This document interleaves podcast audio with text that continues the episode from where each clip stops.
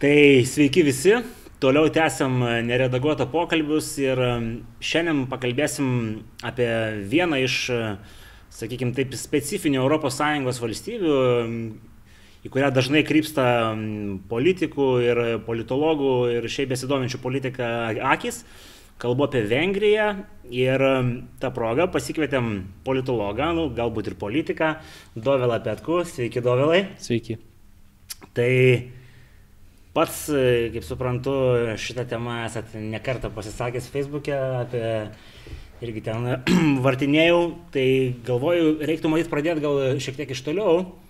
E, Vengrija, kodėl jin tokia aikštinga ir principinga lyginant su kitom ES valstybėm, gal, gal čia yra kažkokie, e, nežinau, ordų laikus meantis e, genai, ar, ar čia tiesiog yra politinė kultūra tokia? Tai pats labai teisingai pastebėjai, kuomet paminėjai žodį specifišką. Na, patys vengrai iš savęs yra, mes žinom, ir jų kalba yra šiek tiek išskirtinė Europos kontekste ir, ir, ir visa jų istorija gal taip savotiškai natūraliai programuodavo jų a, tam tikrą išskirtinumą. A, tačiau, taip kalbant, vis tiek, na, ne, ne, ne iš amžių glūdumos ar ne, O kalbant apie tuos dabartinius reiškinius e, susijusius, kodėl jinai taip ES kontekste, pavyzdžiui, atrodo specifiškai, e, tai reikia, reikia pažymėti kelis dalykus, kurie susijęs su Vengrijos politinė sistema ir kuri praktiškai egzistuoja pastaruosius 30 metų e, būtent po sovietinio žlugimo panašiai, nors kai kas būtent bando išvelgti tuos tokius fundamentalius skirtumus per paskutinius 10 metų, kuomet vadovauja premjeras Viktoras Orbanas. Tai, tai reikia pasakyti, čia turbūt reikėtų irgi grįžti prie to teiginio, buvo toks Robertas Dalis, taip pat irgi politologas, rašęs knygas ir jis sakė, kad net vakaruose laisvuose yra labai daug demokratijos sampratų. Tai mes nekalbam apie tas demokratijas, kurios ten yra Rusijoje ar Baltarusijoje, kurios yra fasadinės iš esmės, tačiau net ir vakaruose mes turim labai skirtingą supratimą, kaip mes organizuojam demokratinį procesą. Tai šiai dienai ir su tais ir man tam tikrus ir tyrimus ten teko atlikti ir studijų metai susijusi su Vengrija. Tai galim pasakyti, kad tai, kas vyksta Vengrijoje, jų politinėje sistemoje, jeigu tai vyktų JAV kontekste, tai būtų absoliutus liberaliosios demokratijos išraiška, o jeigu tu su, palyginsi su galbūt kitom Europos valstybėm, galbūt net ir su Lietuva, tai galėtum pasakyti, kad tai yra tam tikra prasme netgi demokratija su tokiais, tokiom nepotizmo ir patronažo bruožais. Dabar ką aš turiu omenyje, net tai sakydamas. Tai Amerikoje, tarkim, yra labai įprasta taisyklė, kad winner takes it all. E, mes turėjom va dabar ir situaciją Trumpo ofise, mes turim besidarbuojantį žentą, dukrą ir, ir, ir panašiai, ar ne. Kitas dar radikalesnis atvejis, vienas žymiausių prezidentų Kennedys. Jo brolis vyr prokuroras. Amerikos. Nu, atrodo, labai atrodo nenatūralu, ar ne, kad tu savo šeimos narius, ten brolius, statai vyr prokurorai, būdamas prezidentais. Asmen, tai... Taip, bet čia yra tam tikras e, politinės sistemos taisyklės, kurios yra nusistovėjusios. Tai Vengrijoje iš tikrųjų e, irgi tas yra, kad vyriausybė paprastai turi didelę įtaką atrinkinėjant e, tam tikrus kadrus, kurie vadovauja jų nacionaliniam kanalam, kurių yra berots keturi Vengrijai. Pas mes turim vieną, pažiūrėjau, Lietuvoje, Vengrijoje yra keturi, na, kurie skirsto biudžetą, paskiria kadrus ten, e, jų teismų sistema. Paprastai vyriausybė tiesiog turi didelę įtaką formuojant, e, nu, atrinkinėjant ten kadrus, galim sakyti. Nu, bet čia, aš paklausiu, iš principo, Nu, vyriausybė gal ne, bet, bet parlamentas tai turi ir pas mus įtaką, atrinkinėjant tą pačią teisės saugą žodžiu kadrus. Taip, tačiau vis dėlto vidurio, apskritai vidurio, čia ne tik reikėtų pasakyti Vengrijai, tiesą sakant, labai panaši sistema yra susikloščiusi ir Lenkijai. Iš esmės tai yra tam tikros politinės tradicijos, kad valdžios nuožiūra, iš esmės ir tik, tik jos, jos nuožiūra yra paskiriami tam tikri asmenys ir, ir tai yra pernelyg viduje nekvestionuotina, bet jau į kur aš išvelgiu hipokritiškumą savotiškai iš ES pusės, kad tai vyko ir prie visų ankstesnių valdžių. Prie socialdemokratų, tas prie socialdemokratų, prie, prie povaldymo Lenkijoje. Pavyzdžiui, Lenkija iš vis turi buvo pavyzdys, kuomet Seimo narys atsistatydino, kad taptų konstitucinio teismo teisėjai. Nu, tai įsivaizduojat, kokia sistema yra, yra dėliojama. Ir, pas mus tokia idėja irgi buvo. Buvo tokia idėja, tačiau pas mus vis tiek į tam tikrus dalykus, ar, ar, ar šeimos narių skirimą, arba kažkokių artimesnių draugų ryšių, nu, vis dėlto kažkaip žiūrima skeptiškai, ten tiesiog į tai žiūrima natūraliau viduje. Tačiau išorėje būtent e, tai buvo prisiminta e, nu, tokie, tokie, tokie politinės sistemos dalykai, būtent e, Orbanui atėjus į valdžią Vengrijai, Ir jam iš esmės pradėjus kvestionuoti ir dalykus, kurie susijęs su Europos integracija gilesnė ir su pabėgėlių krize. Praktiškai galim sakyti, Orbanas tiesiog buvo baudžiamas viešoje erdvėje už tuos dalykus, kuriuos darė dar 20 metų iki jo jo pirmtakai. Čia kalba eina apie tos visus e, paskirimus ir išsidėstymus. Taip, e, taip, taip. Ir, ir ta kritika, kuri iš Europos komisijos arba Europos parlamento rezoliucijos, kurios ten ir, ir, ir 13 metais ir vėliau buvo, buvo priiminėjamos iš esmės e, nu, prieš, prieš, prieš jo asmenį, galim sakyti.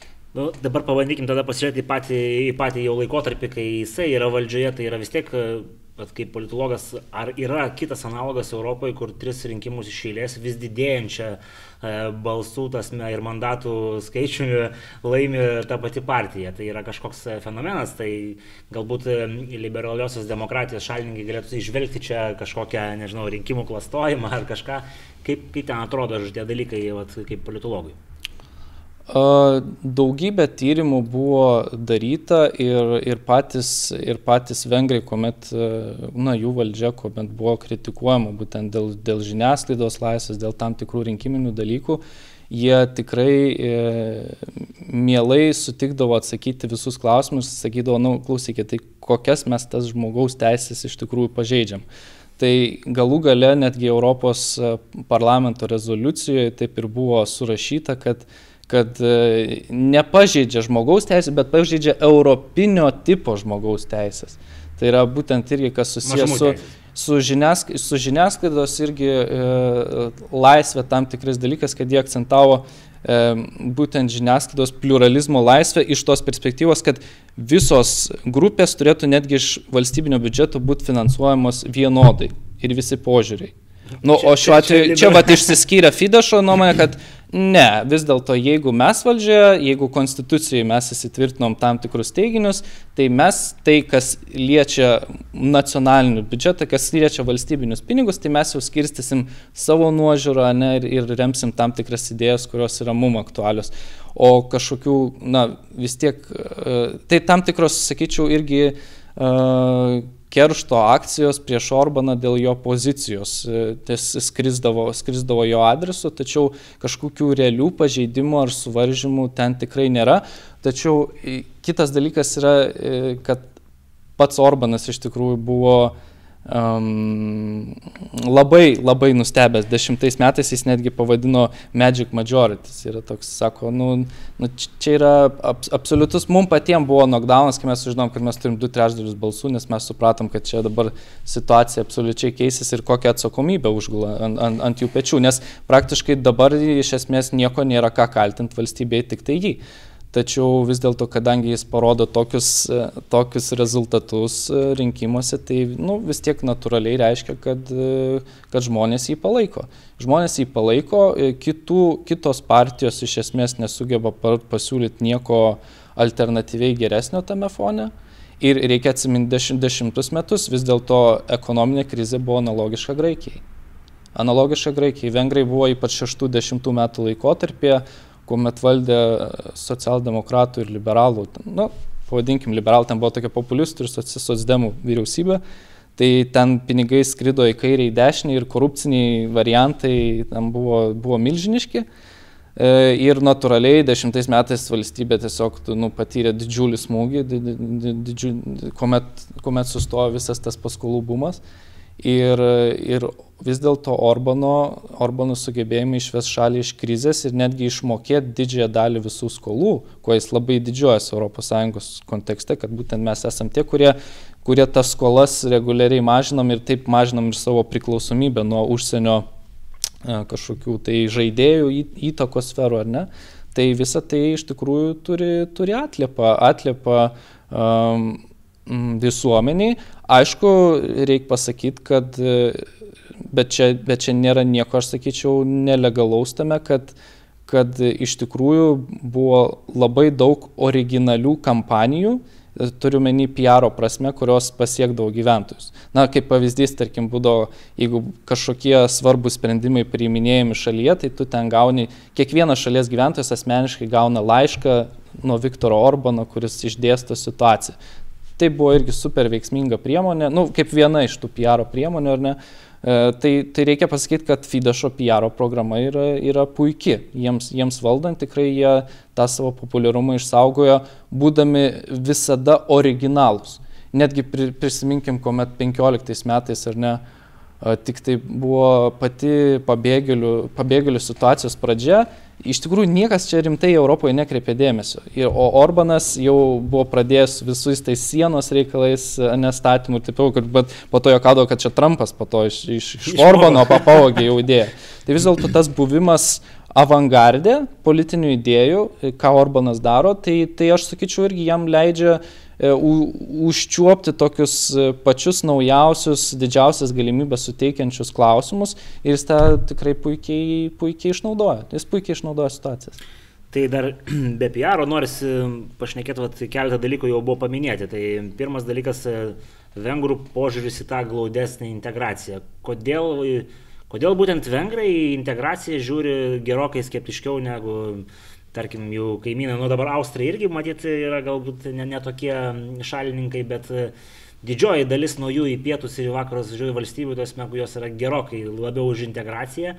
E, kas, kas tokio yra Vengrija, ar čia kažkokie e, santykiai su Vokietija, antipatija istorinė, ar čia pragmatizmas, ar tiesiog sociumas jų yra labai nacionaliai orientuotas nepa, nepasakyčiau tiesą sakant, kad su Vokietija jie turėtų kažkokių trinčių, netgi labai priešingai, Orbanas labai daug kur akcentuoja, kad Vokietija yra maždaug natu, irgi vienas natūraliausių didžiausių partnerių, ypač, ypač prisiminus jo nuolatinius vizitus į Bavarijos regioną. Na, bet Bavarija ir, ir, ir, ir, Berlynas šiek tiek kitaip. Taip, tai, tai tam, tam tikros ryšiai visada su Vokietija jie yra puoselimi, nu, kaip, kaip pavyzdys, ar ne viena ir populiariausių užsienio kalbų iki šiol, kurią moka vengrai, yra vokiečių. Taip, taip, tai yra ir nemoka beveik. Taip, jie, jie būtent anglų labiau nemoka ir, ir kaip tik žiūri, žiūri labiau ir į Vokietiją.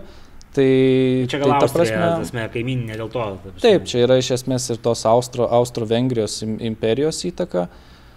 Uh, va, ir uh, kodėl patys, pati tauta, čia irgi reik, kitas klausimas, sakyčiau, būtų, nes, nes pažiūrėjus kontekste, kaip tauta žiūri į ES, tai tų pernelik skirtumų, tiesą sakant, jų ne, nebūtų. Tarkim, jų yra pakankamas visuomenės palaikymas ES apskritai, kaip ir ten Baltijos šalise, pas mus, Lenkijoje, Vengrijoje, tiesą sakant, šitos valstybės santykinai gana... Nacionalinės partijos surinka 80 Europos, Europos Sąjunga jos palaiko. Esmė, kad uh, jos tikėtina nepalaiko galbūt tam tikrų euro integracinių naratyvų, kuriuos, kuriuos, kuriuos atstovauja, atstovauja jau Vengrija. Na, ir, ir konkrečiai Fidešas ir Vengrijos valdžia. Tai šiuo atveju tiesiog e, irgi vien, vienas dalykas, e, kaip ir minėjai, e, Vengrai ir man pačiam neteko susidurti, jiems prastai yra su anglų kalba Jie labai mėgsta žiūrėti nacionalinės medijas, tai yra gana uždaro tipo, viso, visom prasmėm gana uždaro tipo valstybė. Aš pusę metų Vengrijoje gyvenau, tai man teko betarpiškai susidurti.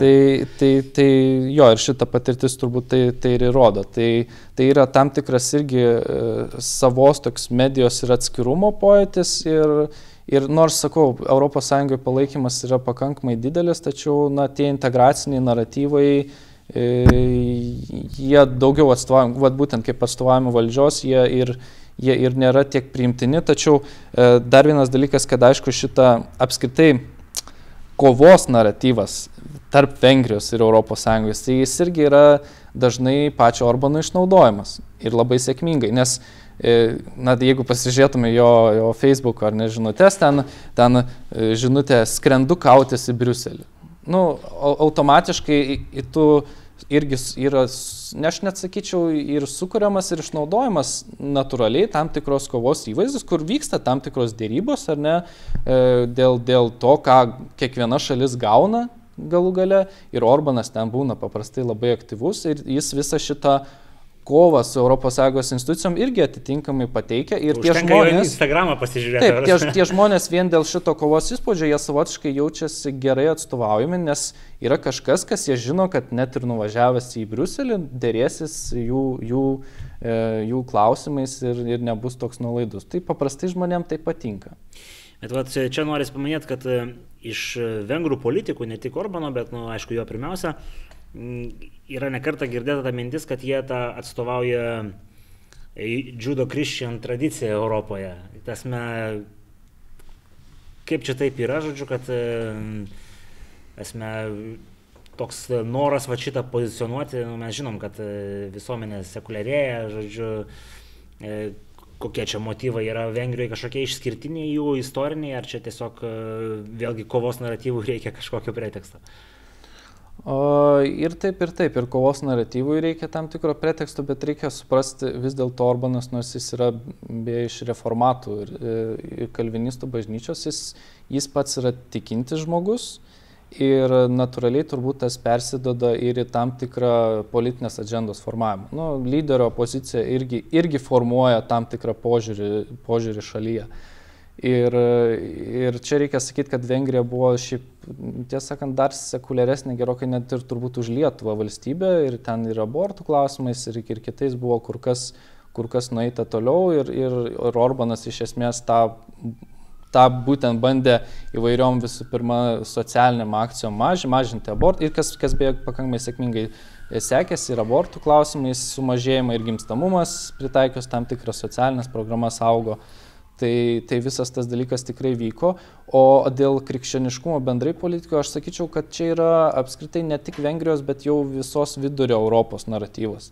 Nes e, čia jau labai susišaukia su to, ką praktiškai tą patį turbūt pakal, kalba koks Richard Legutko, Lenkų atstovas Europos parlamente, ar ne, kad, kad iš esmės e, jie, jie kaip sako, mes būdami uždaryti komunistiniam kalėjime, taip pat ir Lenkai ir Vengrai, mes nors ir na, so, sovietizuojame, tačiau mes turėjom e, tą tokį įsivaizdavimą, kad jeigu mes būtumėm laisvi, tada vat, ir savo tuos klasikinės filosofijos idealus, krikščionybės idealus, kurie nu, buvo draudžiami arba persiekimi, tai mes vat, galėtumėm laisvai realizuoti ir, ir puoselėti ir kad visa tai yra šiuo metu vakaruose.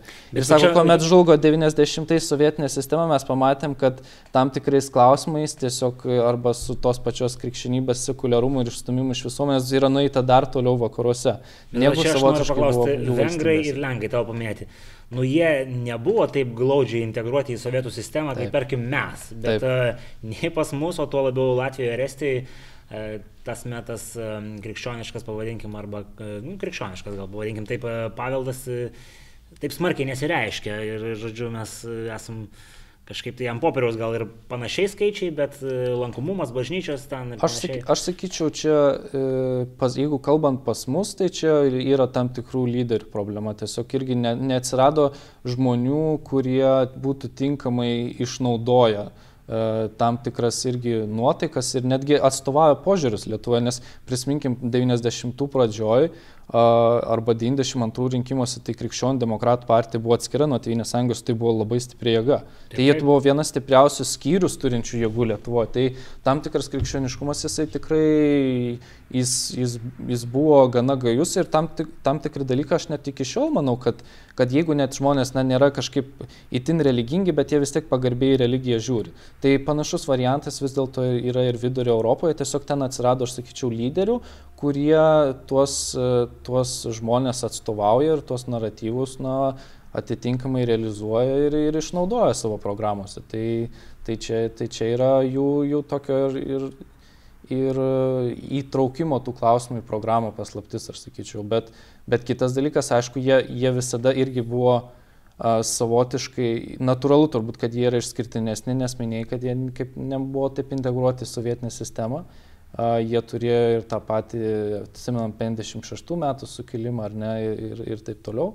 Tai jie, vis, jie visada e, turėjo vis dėlto didesnį stuburą netokio pataikavimo centrui ir tai yra irgi programuojama istorija ir atsispindi ir šiai dienai.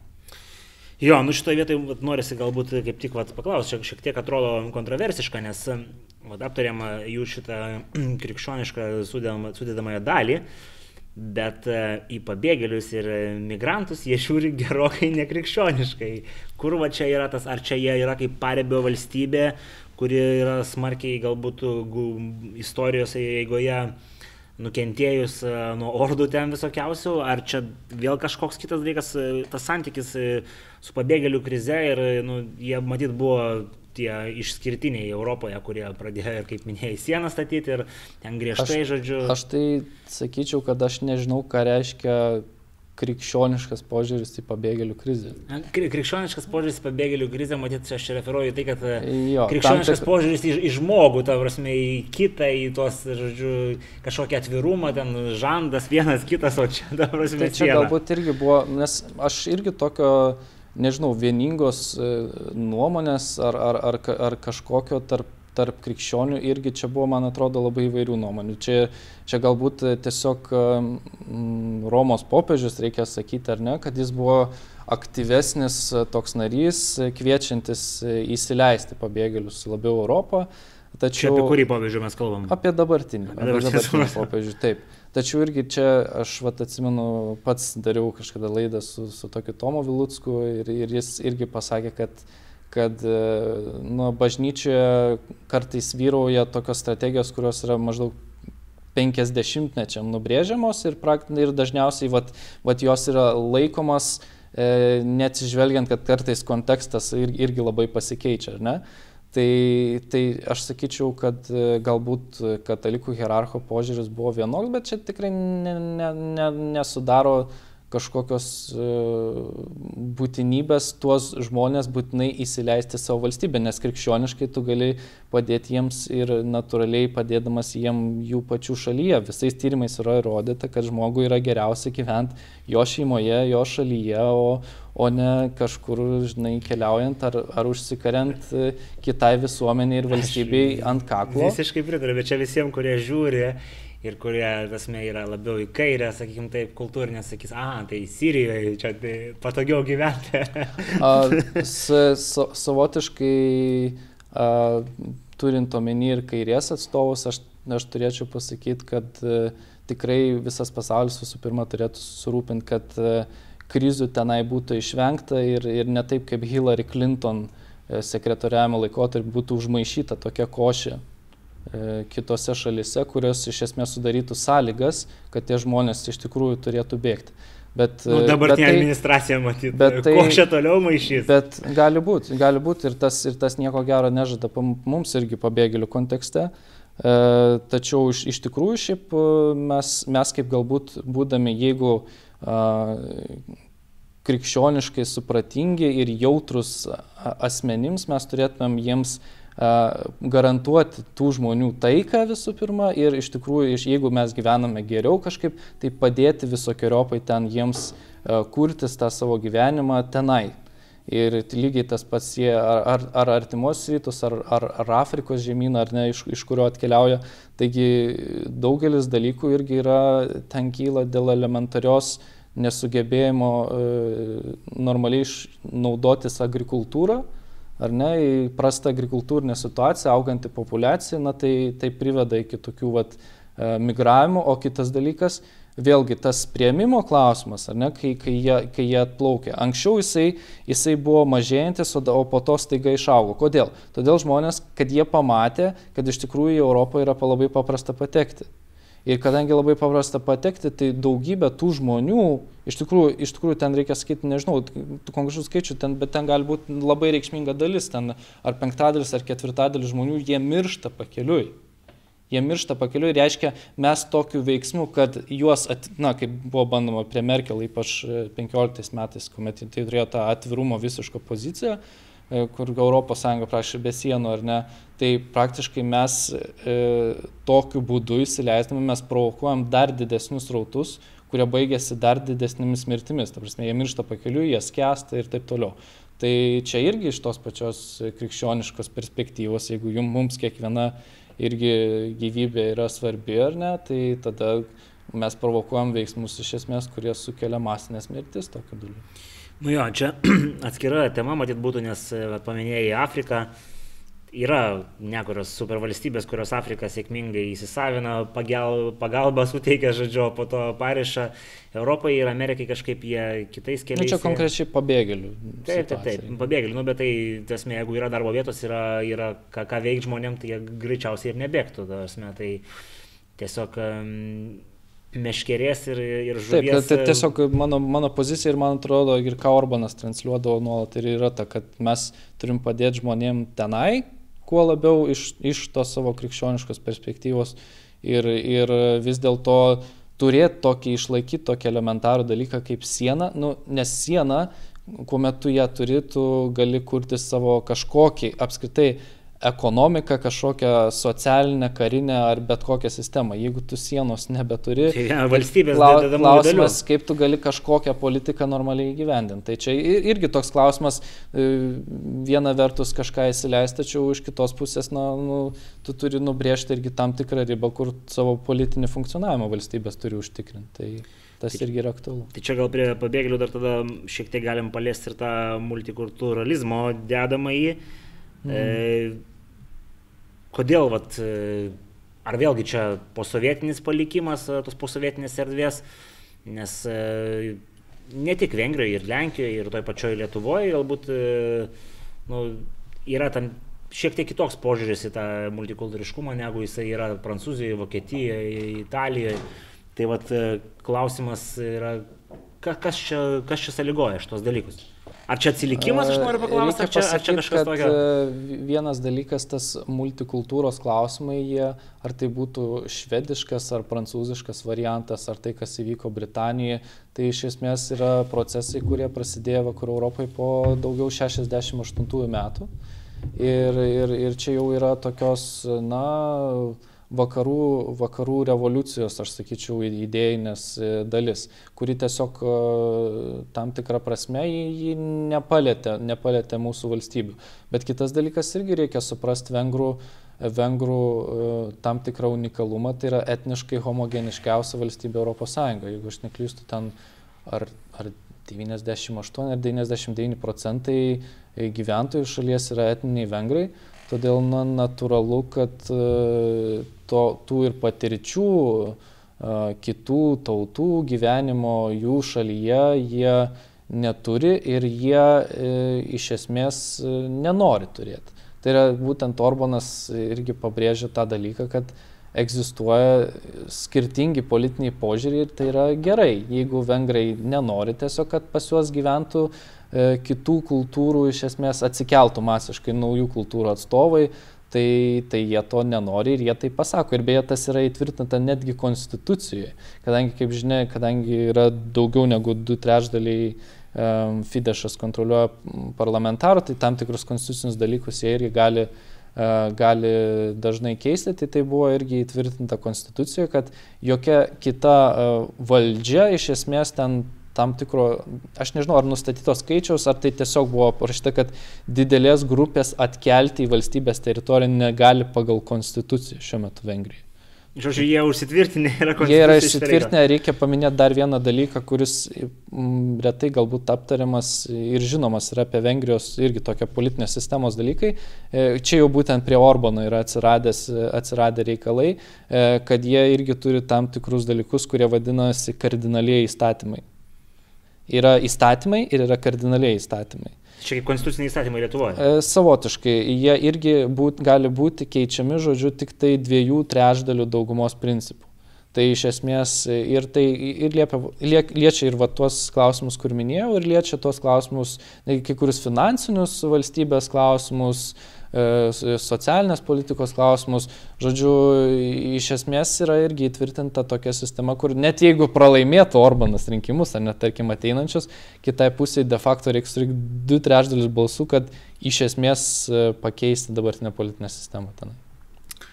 Nu tai matyt dabar prieinam prie to jau įvykio, kuris e, chronologiškai artėjom, kad Lenkų ir, ir, ir Vengrų tas pozicija paramos finansinės klausimų, kuri turėjo būti nu, pradžioje inicijuojama, jos pririšimas prie teisės viršenybės principo, kurį neva tiek Lenkija, tiek Vengrija laužo.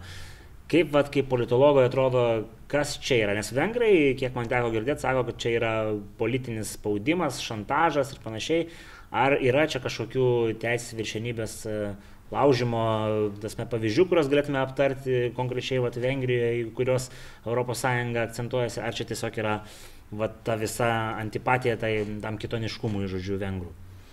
Uh, aš sakyčiau, kad čia antras variantas vis dėlto yra tam tikras nepritarimas jų politiniai pozicijai, ar tai būtų šeimos klausimai, ar tai būtų Europos integraciniai klausimai. E, aš čia jau laidos pradžioje iš esmės minėjau dėl to teisminių ar žiniasklaidos dalykų, dėl kurių jie paprastai ir buvo kritikuojami, kad tai yra tiesiog tam tikri jų politinės netgi tradicijos e, sistemoje dalykai. E, kaip tarkim, nu, pavyzdys buvo, kad jie um, teisėjų sistemoje sumažino darbinį amžių iki 62 metų.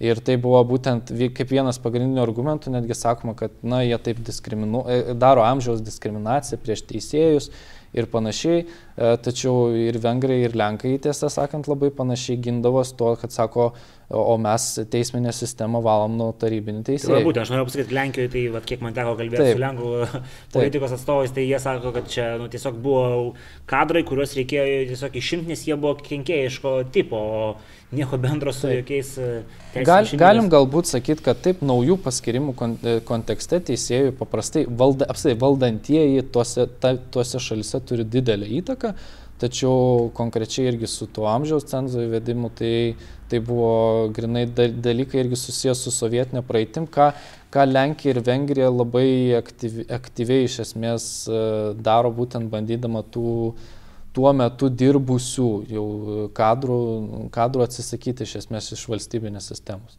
Tai, tai iš esmės šitie dalykai dėl jų buvo jie kritikuojami, e, tačiau ta kritika, čia buvo fabula, čia buvo fabula ES, kad e, iš tikrųjų tais klausimais pasinaudoti tam, kad būtų, būtų Lenkai ir Vengrai spaudžiami, jiems nebūtų uh, garantuojami tam tikri biudžetiniai dalykai, tačiau iš esmės klausimai, klausimai išlieka, išlieka dėl šeimos sampratos dalykų, dėl, dėl tų pačių pabėgėlių dalinimosi, dėl, dėl Europos integracijos gilesnio, nes, nes vengrai, kaip Orbanas būtent žiūri į Europos integraciją, ne, nu, tai kažkada tai buvo pats didžiausias Vengrijos euro entuziastas. Viktoras Orbanas ir Fidesz partija. Reikia atsiminti, kad Fidesz partija tai yra liberalų partija.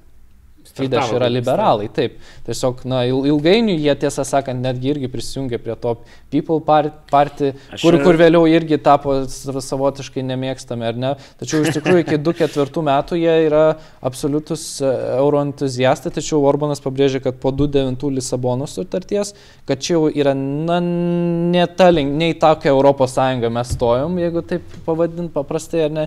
Ir sako, čia šitiem dalykam ir tokių e, didžiųjų valstybių įsivaizduojimų įsivyruojančiam diktatui mes nepritarėm, mes norim turėti savo balsą, e, mes nemanom, kad dar giliau reikia integruotis, tiek kiek integravosi iki 2.9 užtenka, vat ant tokios platformos ir, ir, ir, ir galim, galim iš esmės toliau tęsti veiklą, bet, bet, bet aišku, kitokią viziją ar, ar, ar Makrono viziją turinti, ar net tokios vieningesnės, labiau integruotos Europos, na, su, su šitu vengrišku naratyvu nukertasi ir automatiškai jie yra bandomi pastatyti į vietą. Tačiau reikia pasakyti, kad ta, ta akcija dabar, vat, kuri vyko su Lenkija ir Vengrija, labai nepasisekė iš esmės europiniams lyderiams ir europiniam institucijom.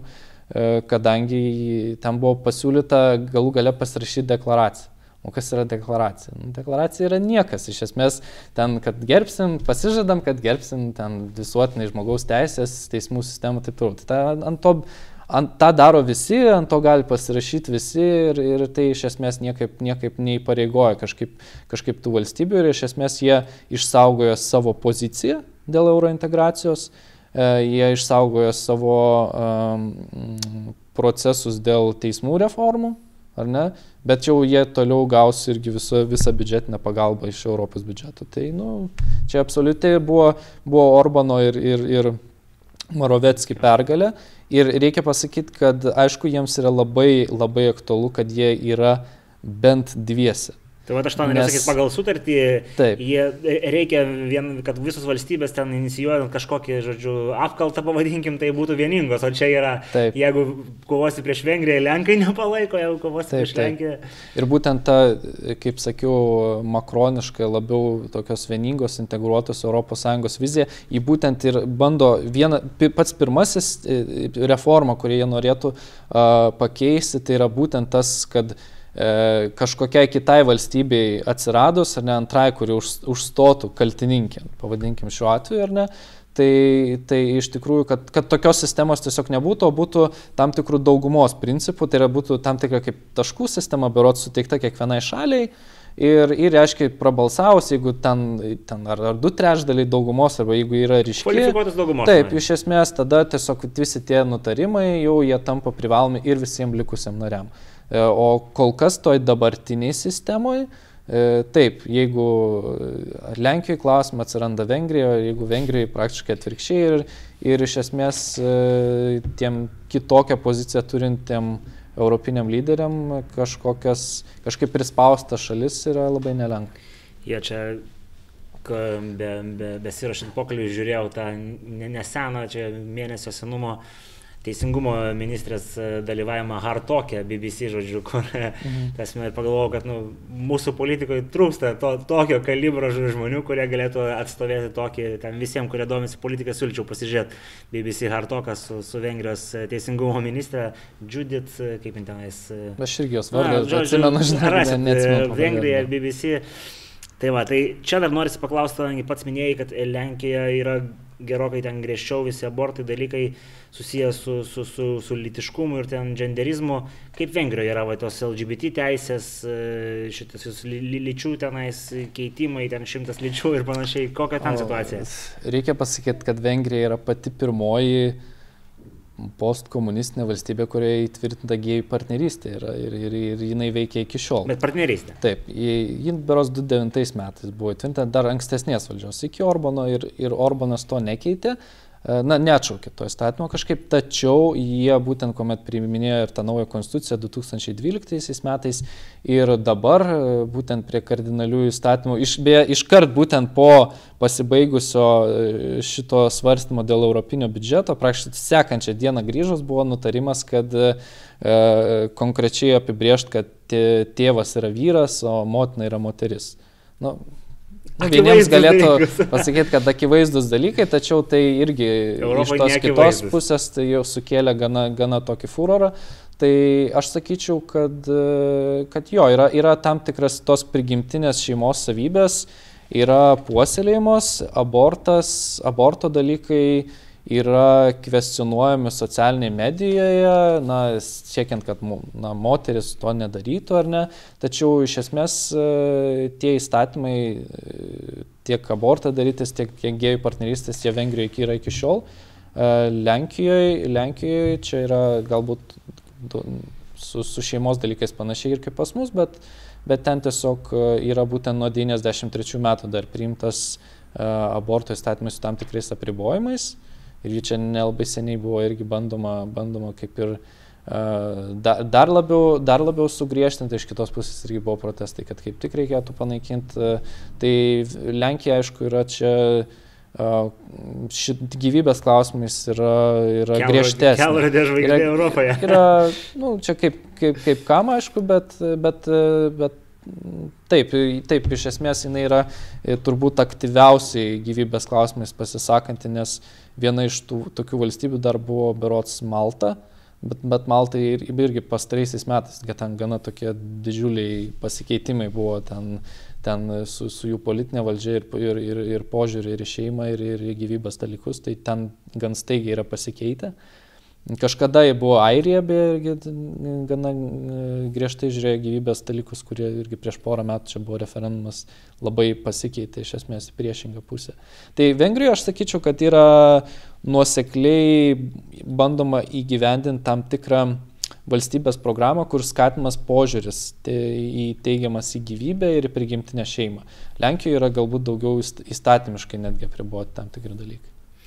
Tai visi kritikai, aišku, vienbalsiai kritikuos, jeigu nepakalbėsim apie Vengrijos e, tą prorusiškumą, kuriuo jinai kaltinama dažnai. Aš vat, irgi ten šiek tiek tyrinėjau, besiruoždamas, e, kokie būtų tie pavyzdžiai to prorusiškumo, kuris vat, yra pripiešiamas Vengrijai. Nes aš kaip tik teko klausyti keletą esame tokių, sakykime, žymių veikėjų, tos ryties specialistų, kurie kaip tik sako, kad nu, ten yra gerokai ne ekonomika, bet kas, kas liečia politiką, tai požiūris ir tiek į sovietų okupaciją, tiek į ten kažkurio metu Vengrijoje rusai demonstravo, tarsi, to sukilimo žodžiu, e, kadrus ir bandė pripiešti, kad tai yra kažkoks, žodžiu, banditizmas tų laikų vykęs, žodžiu, Vengrijoje. Tai jie net išsikvietė ambasadorių ant kilimėlį ir pasakė, kad jie nepritarė tokiam žodžiu. Mhm. Tai nu, nelabai galima apčiuopti tą, bet vis tiek yra tas praužiškumas Orbanų matyti iš ekonominės, dėl ekonominių dalykų pri, pripiešimas. Ar yra kažkokio politologinio ten pagrindų tam visam? Čia aš sakyčiau, velnės nėra toks juodas, kaip jį bando nupiešti, ypač Lietuvoje. Čia reikia sakyti irgi konkrečiai Lietuvoje. Dėl prorusiškumo. Vienas dalykas yra kas, kas galbūt sudarytų įvaizdį, kad, kad e, Vengrija arba Orbanas yra kažkaip labiau tapę prorusiški ar ne, uh, jie bendrauja su Rusija. Čia yra turbūt vienas pirminių uh, skirtumų. Jie, susitink, jie susitinka tarptautiniu lygmeniu, jie ten, Orbanas susitinka su Putinu, Putinas atskrenda kažkokius e, reikalus, bendrauja, ar, ar tai būtų ar, ar pabėgėlių krizės dalykai, ar, ar europiniam kontekste, ar ne. Uh, jie tiesiog bendrauja, pas mus, pavyzdžiui, tas na, bendravimas yra labai apribotas su, su Rusija, mes apskritai to nelabai du šiuo metu darom, tai galbūt irgi yra tam tikras įvaizdis, e, tačiau e, vien, gal pirmas dalykas, kur kaž, nu, toks real, realus, kur esą bandė, bandė pasakyti, kad Vengrija yra kažkaip labiau prorusiška, kai jie abejojo prieš skirdami sankcijas 2014 metais, kurie jie beje vis tik galų galę pritarė būtent sankcijom Rusijai tačiau jie šiek tiek labiau abejojo ir, ir, ir, ir, ir kalbėjosi su pačia Rusija irgi, irgi tuo metu, nes e, reikia suvokti vieną geopolitinę realybę pas juos. E, Vengrija yra uždaro tipo valstybė, neprieinanti prie jokių vandenynų, ne jūrų. Ir jie iš esmės, e, kaip atsigabenti energetinius išteklius, tai jie praktiškai naudoja arba tą pačią tarybinę sistemą, ne, kuri iš Rusijos yra. Taip. Arba dar variantas toks yra iš esmės per Vokietiją. Irgi rusiškas. Bet būtent, būtent ir, ir, ir Vokietija, kuri nusitėsi jau, kaip žinom, antrą vamzdį, tai čia aš sakyčiau, nu, labai hipokritiška būtų kažkaip pagal, pastebėti, kad Vengrija abejojo prieš skirdama sankcijas dėl šitų, konkrečiai ten buvo klausimas dėl energetikos, e, kuomet praktiškai iš abiejų galų jie yra, jie yra tom rusiškom dujom ir to pačiu vokiečių dėka iš esmės, iš esmės rusiškų dujų aptarnavimu, tačiau e, reikia pasakyti ir kitą dalyką, kad jie stengiasi nuo šitos Rusijos priklausomybės išsisukti ir 2016 metais berots kartu su Lenkija jau buvo inicijuotas projektas, nes Lenkai irgi ketina E, bent jau ten buvo tikrai jau statymas primtas, kad ketina pirkti dujas būtent iš Junktinių valstybių, ten buvo labai plečiama šitos rytyje ta kooperacija, kad jie irgi nori statyti savo terminalą, kaip mes, kaip mes kad turim, kad ir Gdanskė tai toks atsirastų. Sujungti tos terminalus. Taip, e. sujung, sujungtos terminalus ir, ir Vengrai iš tikrųjų jau yra irgi ten sudarytos sudartis, kad jie norėtų, kuomet jau bus nutiestos tos naujos trasos, taip pat jungtis ir į šitą sistemą. Tai kad, kad jie kažkaip, nežinau, pataikautų šitoje sistemoje Rusija tikrai nėra, jie, jie žiūri kaip iš iš tos situacijos išeiti, tačiau tiesiog šiai dienai jie tų pačių vokiečių dėka yra labai priklausomi, todėl natūraliai galbūt klausimų jiems energetinė prasme su Rusija yra daugiau. E, arba tiksliau, mes prieidami prie, prie, prie, prie jūros, ar neturim bent jau teorinę galimybę, kurią ir gyvenim pasistatyti tą terminalą ir kažkaip bent jau pradėti laviruoti. Pas juos dėja tokio dalyko nėra. E, kitas dalykas dėl pačios Ukrainos, ten buvo kritikos e, Orbanui, E, kad jie esą netaip entuziastingai palaikė Ukrainą, kaip, na, tarkim, pas mus Lietuvoje. Um, bet čia irgi vėl, vėl reikia pasakyti, kad uh, irgi savotiškai buvo perspausta, aš sakyčiau, tų pačių jėgų, kuriems šiaip Orbanas nepatinka, tiesiog jam vėl prikimbant kažkokias tai prorusiškas etiketes. Uh, nes e, bendrystė su Ukraina yra pakankamai normali ir ta Vengrija ir padėjo ten ir 14 ir 15 metais tai, tai Ukrainai ir įvairia pagalba siuntė, e, bet Čia reikia vėlgi tam tikrą specifiką žinoti apie vengrus. Vengram tautinių mažumų politika yra aukščiausio laipsnio dalykas aukščiausi. O jie turi savo mažumą Ukrainoje? Jie yra... turi savo mažumą Ukrainoje. Jie, jie turi visam regione. Jie turi visam regione, reikia pa, nepamiršti, po 20 metų trečdalis populacijos liko kitų valstybių taip, teritorijos. Tokios valstybės kaip Serbija, kurios jau gerokai toliau taip, taip. Turi, turi vengrų. Ir vat, būtent žinant šitą niuansą, e, iš tikrųjų ten buvo irgi su Ukraina diskusija konkrečiai dėl vengrų tautinių mažumų situacijos, nes e, ukra, ukrainiečiai iš esmės būtent ant tos tokios irgi tautinio pakilimo bangos e, labai norėjo universalizuoti iš esmės tą mokyklų modelį. Panašiai kaip mūsų ir Lenkų santykis. E, sa savotiškai taip, tačiau aš sakyčiau, Vengrai iš tikrųjų, Lenkai yra nuolaidesni savo kresų, Lenkai yra nuolaidesni kresų politikoje negu Vengrai. Vengrai laikosi labai aštriai iš su Rumunija, labai aštriai laikosi tautinių mažumų klausimų, todėl natūralu, kad kad e, va, tam tikri klausimai, kurie liepia tautinės mažumos Ukrainoje, ten jie buvo labai kritiški ukrainiečiam ir jie, nu, na, iš esmės tik, tik, tikrai priešinas tai tokia universalizacijos ir tai natūraliai turbūt ir, ir bent jau tam tikrų, gal ten trumpų laikotarpių, gal, nu, įskėlė tam tikrą konfliktėlį, pavadinkim, kur, dėl kurio vengrai na, nebuvo tokie super entuziastingi naujos Ukrainos valdžios atžvilgių. O trečias dalykas, aišku, aš sakyčiau, turbūt jis yra labiausiai nuskambėjęs ir pats svarbiausias tam kontekste, kodėl, kodėl Orbanas savotiškai, savotiškai bando pastatyti tų prorusiškų žmonių gretas. Mm, tai yra filosofinis klausimas savotiškai, net pavadinkim taip. E, Orbanas, kuomet daro savo metinius pranešimus, šiemet turbūt pirmą kartą dėl, pernai jau reikia sakyti, 20 metais dėl COVID nebuvo tos vasaros akademijos, vadinasi, kuri vyksta e, vengrų etinėse žemėse e, Rumunijoje. Ten kasmet yra pagrindinis skaitomas premjero pranešimas yra Rumunijoje, ne, ne Vengrijoje.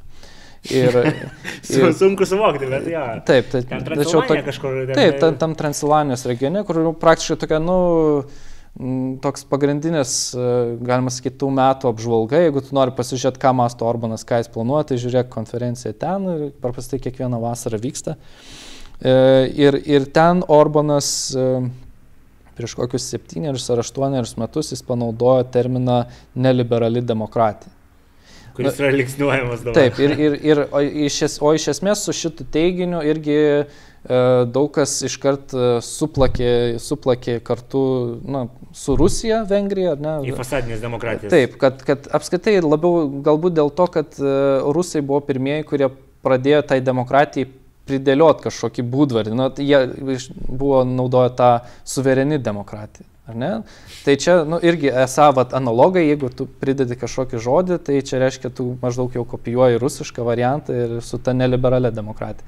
Bet čia vėl, vėlgi reikia, reikia tą visą paskaitą išklausyti ir žinot kontekstą, kuriame, kuriame Orbanas kalbėjo.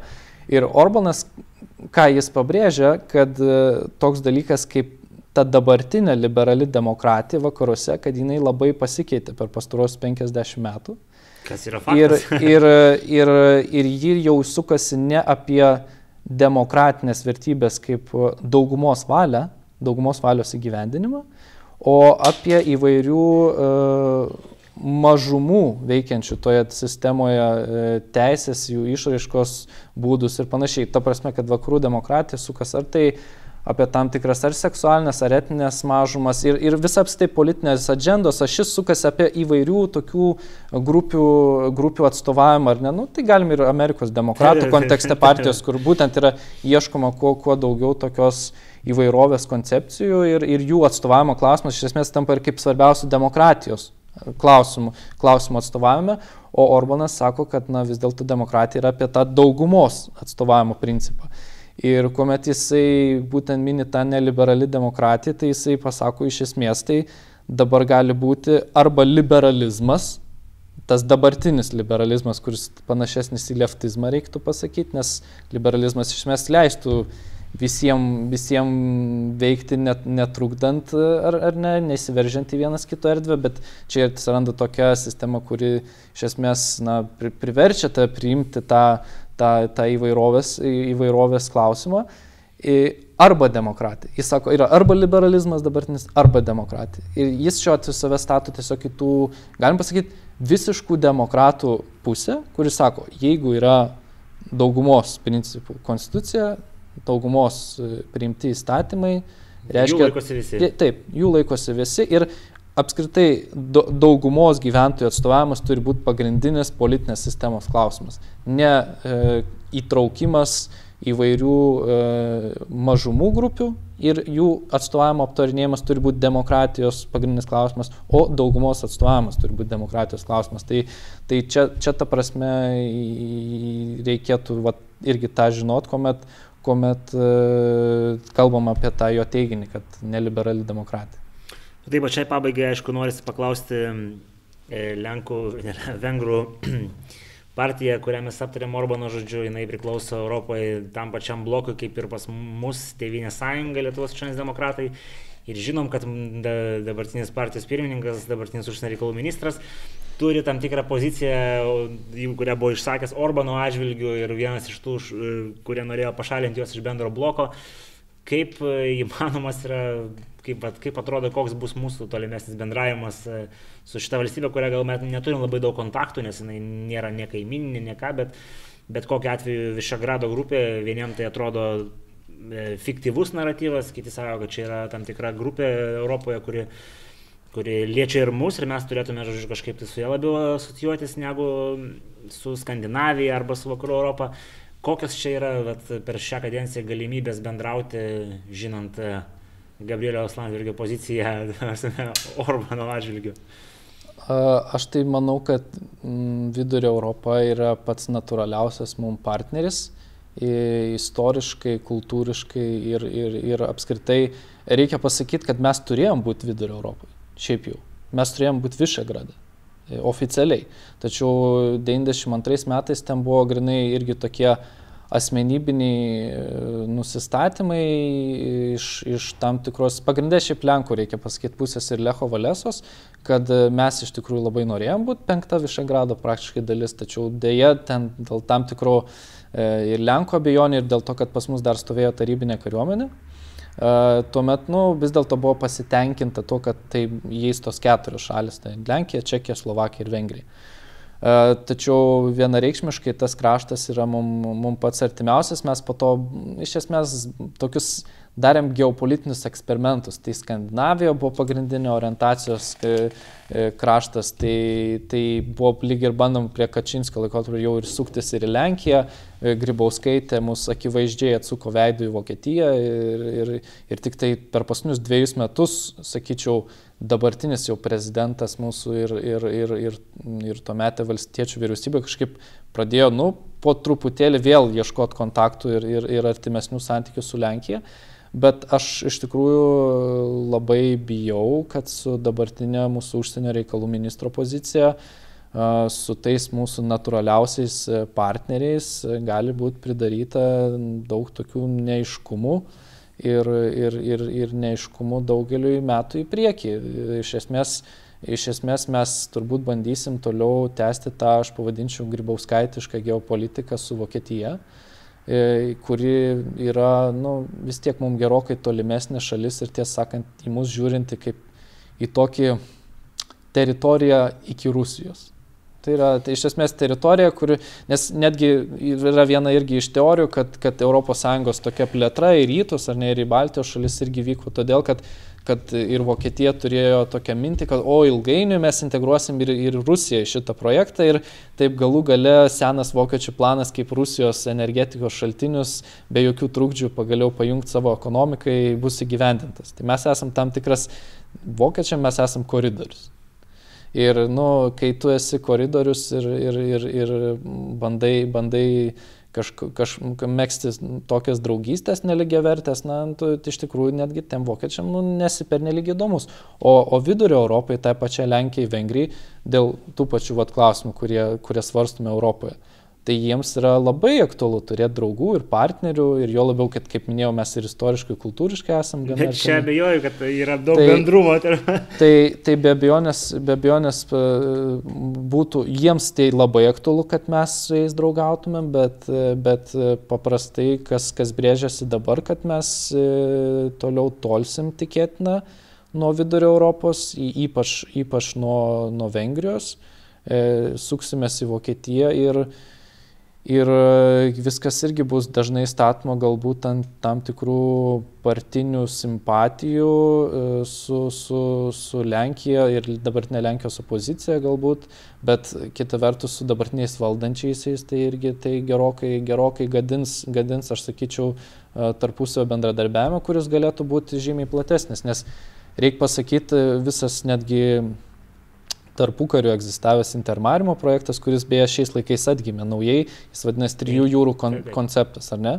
Tai aš manau, kad tai yra iš tikrųjų fundamentalus projektas, tai yra labai rimtas dalykas, į kurį mes turim e, žiūrėti rimtai ir, ir skirti ir savo, ir politikų dėmesį, ir pinigus, ir, ir savo ir gynybos, ir infrastruktūros integraciją mes turėtumėm šitoje srityje gilinti. Tačiau dabar bus užsiminėta kažkokiam tom replikų laidimais į vieną ar į kitą pusę, kai nu, tavo artimiausiam regione e, nebus pasiekta tos e, tarpusavio platesnio bendradarbiavimo. Tai tas, tas, iš tikrųjų, tas iš tikrųjų labai liūdina žiūrint iš tuos ateinančius ketverius metus. Tai tikėkime, kad to bus su kuo mažiau ir kad, kad pavyks e, tuos santykius kažkaip išsaugoti arba sugadinti juos kuo mažiau. Visiems, kurie nori pasižiūrėti apie Trijų jūrų iniciatyvą, yra tik Patreonam ir nariams skirtas epizodas, kurį rašym su Karo akademijos analitiku Liudus Zanavičium. Tai čia, čia kviečiu, kaip sakoma, prisijungti. Kolega matyt nematė šito gero epizodo, bet persiųsiu. Tai ką, tai manau, reikia padėkoti už tokį pakankamai nuodugnų Vengrijos pristatymą. Tai yra pakankamai pamiršta tema mūsų žiniasklaidoje, tikrai nėra, nėra labai gausiai aptariama. Taip, mes, mes iš esmės dažniausiai naudojamės kažkokią tai išverstinę iš užsienio portalų, tų pačių amerikiečių, pavyzdžiui, portalų, vokiečių portalų informaciją, kuri nu, kartais tiesiog reikėtų irgi pasigilinti apie tos savo kaimynus praktiškai šiek tiek ir giliau. Tai ką, tai, tai dėkui, kad e, atėjot. Ačiū. Čia pirmiausia reikia paminėti, kad um, Yra kanalas, e, kur e, nepasakiau, kad e, politologas, politikas ir matyt podcasteris reikėtų dabar jau pristatyti. Dabar jau taip. Patį žodžiu, tai visi, kurie dar nežinot, Dovilas Petkus turi savo savaitinį podcastą, kuris, man atrodo, gula po Propatrijos kanalu, bet YouTube surasit pakankamai nesunkiai, tai kviečiu pasižiūrėti. Uh, Galit beje, tokia irgi naujiena, tuo pačiu aš pas, e, pasireklamuosiu savotiškai, mus irgi per TV7 rodys ketvirtadieniais. Nuo, nuo, aš norėjau paklausti, kaip, kaip, kaip jūs tai, ten į tą TV7? Tai tiesiog kartais, žinai, darbuojasi ir Dievas padeda. Aš sakyčiau, kuomet tu tiesiog stengiasi kažką daryti, tave žmonės pastebi ir sako, gerai kalbi, gera laida, mums, mums reikėtų tokių dalykų ir tas tarpusio bendradarbiavimas jisai taip ir gimsta. O TV7 čia kas yra TV3, čia Balčia? Čia, žinok, aš tiesą sakant, per nelik nežinau, aš, aš TV7 į NIT TV, tai yra ten kabeli, kabelinės supratau, žiūrovai gali, supratau. gali iš tikrųjų ketvirtadienis pasižiūrėti, arba sekmadienį, sekmadienį vakare irgi yra mano podkasto laida. Tai Kviečiam irgi žiūrėti. Nu, čia, čia aš jau buvau girdėjęs iš mūsų bendrų kolegų, kad e, toks bresta dalykas, tai sveikinu. Tai ką, tai manau, ne paskutinį kartą mes e, pasikviesim e, Dovilą į svečius ir dėkui visiems, kurie ištvėrėt. Nepamirškit, kad mes esam neredaguota, turim membershipą, turim Patreoną, yra YouTube'as, Facebook'as, žodžiu, kaip kam patogiau. Ir aš jau galvoju, kad matyt pastaruoju metu reikės, žiūrint tai, kas vyksta Amerikoje ir į Facebooką, siūlyti visiems žiūrovam, kurie norėtų gauti naujienas, tiesiog atsiųsti savo elektroninį paštą per Facebooką arba tiesiog neredaguotą etą gmail.com, kad mes galėtume siūsti naujienlaiškį, nes neaišku, ar vieną dieną mūsų neuždarys už nepolitkorektišką dešinę. Nedeplatformins. Nedeplatformins, būtent. Tai va, tai Tai ačiū visiems, galit padaryti tai ir iki kitų kartų. Iki.